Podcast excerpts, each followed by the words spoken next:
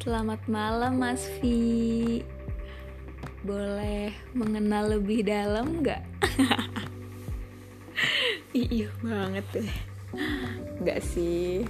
Ya untuk manusia-manusia halus seperti aku Kayak gini tuh udah biasa Ya nggak? Bucin lagi nih aku aku tuh tadi habis lihat konsernya BTS di TV di acara Tokopedia gitu dong terus aku tuh tersita mata aku tuh tertuju tersita oleh satu orang yang aku lihat tuh dia imut banget ganteng banget. Oh my god apaan sih? Dan pas aku tanya nih sama teman aku yang army ternyata mas-mas ini namanya Kim Taeyong atau biasa dipanggil Mas V. V nama panggungnya tuh V. Kalau misalnya di army eh di army di BTS kan biasanya ada boneka-boneka itu kan. Apa sih namanya? Aku belum tahu belum mengenal lebih jauh juga sih aku cuman ya tahu sepintas doang. Kalau misalnya V itu bonekanya Tata. Aku tuh pernah tuh dapet hmm, apa ya namanya botol minuman gitu kan dari bioskop tuh. Nah aku waktu itu dapetnya koya kalau nggak salah. Apa sih namanya warna biru tuh koya ya? Nah andaikan waktu itu aku udah tahu CV ini nih aku bakalan um, bakalan ngambilnya ya ya si Tata itu. Kan lumayan kan ya. Mumpung sekarang udah jadi penggemarnya. Bukan bukan. Bukan cuma penggemar tapi calon istrinya. Aduh. Kalau misalnya udah halo tuh emang ya enak banget ngayalnya ngomong-ngomong soal BTS alias boy band Korea jadi sebenarnya aku tuh nggak terlalu fanatik gitu. Baru baru ini nih baru malam ini aku tuh kayak lebih pengen mengenal dia lebih pengen mengenal BTS padahal sebenarnya ya eh sebelumnya aku tuh biasa aja. Aku tuh ngeliat artis-artis Korea gitu kan itu ganteng sih tapi gantengnya tuh ganteng yang apa ya berlebihan gitu loh. Gantengnya tuh ganteng banget. Jadi tuh aku malah kayak ah gitu. Itu manusia bukan sih? Jadi kalau misalnya mau dihaluin itu kayaknya tinggi banget. Kayak bener-bener di atas awan di atas langit. Mereka tuh kalau misalnya kata temanku ini yang kecanduan Korea juga mereka tuh malaikat. Saking ya udah nggak tahu lagi mau bilang apa mereka tuh indah banget. Gila sih. Ciptaan Allah. Aduh tapi seru juga deh. Aku tuh selalu ngeliat teman-teman aku yang senang Korea Korea gitu kan. Entah itu suka yang boy bandnya girl bandnya atau dramanya mereka tuh kayak punya kesenangan tersendiri gitu. Kayak mereka tuh punya dunianya sendiri dan itu tuh sumber kebahagiaan mereka. Sebenarnya wajar kok yang penting tuh kalau misalnya mereka nggak berlebihan. Kayak aku juga sempat ngerti ya sempat tahu kalau misalnya ada yang nyampe mendewakan bahkan tuh kayak memuja atau apa istilahnya? Ah pokoknya gitu deh. Kayak menganggap mereka tuh sebagai ya yang harus diutamakan gitu loh ngerti nggak? Ah gue eh aku mau ngomongnya tuh rada susah gitu ya. Intinya kayak nyembah gitu loh. Aduh aduh itu parah banget sih aduh jangan sampai kalau misalnya kayak gitu mendingan harus dikurangi. Tapi kalau misalnya yang wajar-wajar aja kalau ngeliat mereka tuh kata teman-teman aku kalau misalnya udah lagi apa tuh namanya fingerling apa sih? Ya gitulah pokoknya yang streaming streaming kegiatan mereka itu sebagai obat stres penyegaran gitu. Kalau misalnya sekarang tuh aku biasanya ngeliat Jerome kali ya Jerome Pauline. Aku biasanya suka juga ngeliat dia.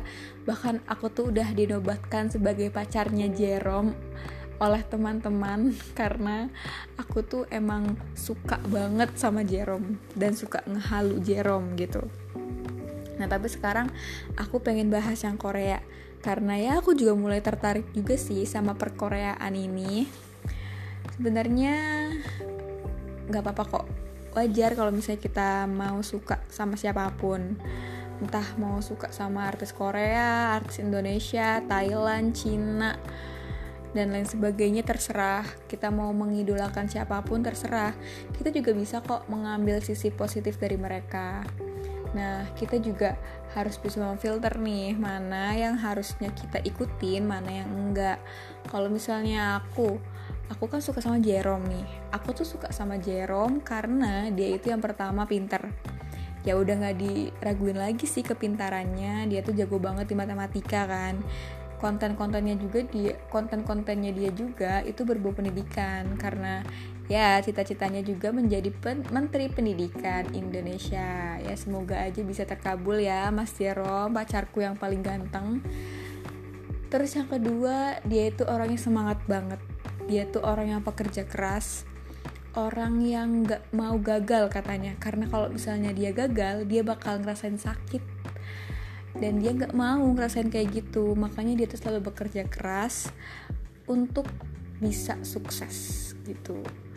Terus ya dia juga ganteng dia itu apa ya nggak ganteng-ganteng banget. Ini loh aku tuh suka sama cowok yang ganteng tapi gantengnya tuh nggak berlebihan. Menurut aku tuh masih ya batasnya manusia lah ya. Kalau misalnya Mas V ini yang aku suka barusan itu tuh gantengnya ganteng malaikat gantengnya bidadara gantengnya ganteng banget gitu di atas rata-rata. Jadi tuh kalau misalnya mau ngehalu tuh kok ngehalunya ngehalu banget gitu. Berasa pacaran sama sama bidadara. Jadi tuh kayak aduh susah banget nih digapainya. Nah kalau yang Jerome tuh dia masih ya gantengnya ganteng normal aja. Dia juga uh, badannya tuh nggak yang ideal-ideal banget. Dia juga ya biasa aja gitu. Tapi menurut aku dia ganteng. Dan dia tuh orangnya lucu. Ini ini yang bikin aku suka juga karena dia tuh bisa mencairkan suasana. Makanya dia tuh punya teman banyak. Jarang-jarang loh orang yang kuliah di luar negeri gitu kan hidup di luar negeri dan punya banyak teman kayak misalnya si Leo ya Leo Kagita mereka tuh pernah cerita juga kalau misalnya mereka itu kan kuliah di luar negeri hidup di luar negeri. Dan emang susah gitu nyari teman sebenarnya Jerome juga awalnya susah. Dia bilang kayak di sini tuh beda banget sama Indonesia. Karena di sini tuh kalau misalnya kita satu kelas pun kita nggak saling kenal. Kita bahkan kayak senyum aja nggak gitu kalau misalnya pas-pasan gitu kan. Nggak senyum. Kita bahkan nggak tahu namanya. Ya udah kita kuliah di kelas kuliah aja tanpa interaksi apa pun sama teman-teman gitu. Emang nggak asik banget sih katanya. Tapi berhubung Jerome tuh anaknya nggak bisa diem dia sebenarnya tertekan kalau misalnya dia berada di lingkungan kayak gitu. Tapi akhirnya dia punya banyak teman kayak misalnya ada Boys itu tuh ada Tomo Yusuke sama siapa ya namanya?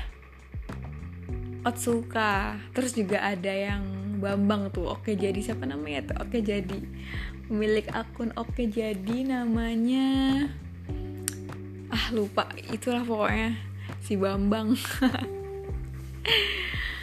Nah oh iya kenapa aku suka sama Jerome? Tadi kan udah aku sebutin yang pertama itu karena dia pinter karena dia pekerja keras karena dia ganteng dan karena dia tuh lucu.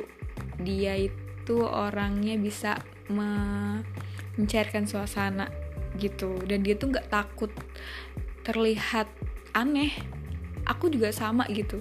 Jadi aku tuh tipe orang yang gak bisa jaim ya mungkin jaim ke beberapa orang doang tapi sebenarnya susah gitu loh buat ya gak terlihat aneh gitu sih. Dan banyak juga kesamaan-kesamaan aku sama Jerome. Oh ya terus uh, Jerome itu kan beda iman sama aku. Nah dia tuh religius banget orangnya. Dan yang bisa aku ambil dari dia adalah dia religius di agamanya aku juga bisa religius di agamaku. Jadi yang aku ambil tuh sisi religiusnya. Jadi semakin dia religius di agamanya maka itu juga membuat aku termotivasi untuk religius ke agamaku gitu. Sebenarnya uh, masalah kayak gini tuh ya tergantung pribadi ya nggak boleh karena orang lain. Cuman apa salahnya sih kalau misalnya kita melihat orang dari sisi positifnya? Dan kita juga bisa mencontoh itu nggak apa-apa walaupun sebenarnya alangkah lebih baik kalau misalnya kita mau berubah kita mau men-challenge diri kita itu ya karena karena motivasi dari diri sendiri. Ya emang itu benar. Tapi ya kalau misalnya kita melihat orang dan mengidolakan orang gitu nggak apa-apa. It's okay. Kan itu baik gitu. Jadi ya nggak masalah juga. Yang penting kan outputnya kita bisa jadi yang lebih baik dari sebelumnya ya enggak? Nah itu dia. Ngomong-ngomong tentang idola pasti nggak ada habisnya sih ya kalau misalnya ngomongin idola. Kayak misalnya tadi artis Korea terus aku tadi ngidolain Jerome. Mungkin kita itu punya satu atau dua atau bahkan lebih yang jadi idola bagi hidup kita. Kita itu ngidolain dia mengidolakan seseorang karena seseorang itu hebat gitu di mata kita. Bahkan mungkin kita mengidolakan sosok yang terdekat dari kita misal kayak ayah kita ibu kita saudara teman itu ya nggak apa-apa kayaknya di dunia ini semua orang itu punya idola deh. Mungkin. Ya nggak sih? Karena kita tuh bisa terinspirasi oleh dia oleh seseorang itu yang kita idolakan. Dan mungkin juga kita adalah sumber inspirasi dari orang lain oleh orang lain gitu. Mungkin aja diri kita ini yang kita anggap biasa aja nih yang kita anggap ah apa sih? Aku tuh bisa apa ya? Ternyata kita itu adalah idola dari orang lain. Kita nggak pernah tahu seistimewa seistimewa apa diri kita di mata orang lain. Makanya aku juga kadang mikir sih kalau misalnya aku lagi kayak ngerasa aduh aku tuh bisa apa ya? Kayaknya aku tuh nggak bisa ngapa-ngapain deh. Udah mana aku orangnya kayak gini aku tuh berguna nggak sih? Aduh itu pertanyaan-pertanyaan yang toxic banget sebenarnya. Tapi ya emang sering dipertanyakan juga kan kalau misalnya lagi sendirian nih terutama. Tapi aku inget lagi gitu setiap orang itu pasti berarti kan bagi seseorang. Aku pernah ada eh aku pernah denger sebuah kalimat dari YouTube-nya menjadi manusia. Kalau misalnya kita terlahir di dunia itu pasti berguna pasti berarti pasti istimewa. Karena apa? Karena kita itu lahir dengan mena menaruhkan nyawa seseorang, mempertaruhkan nyawa seseorang.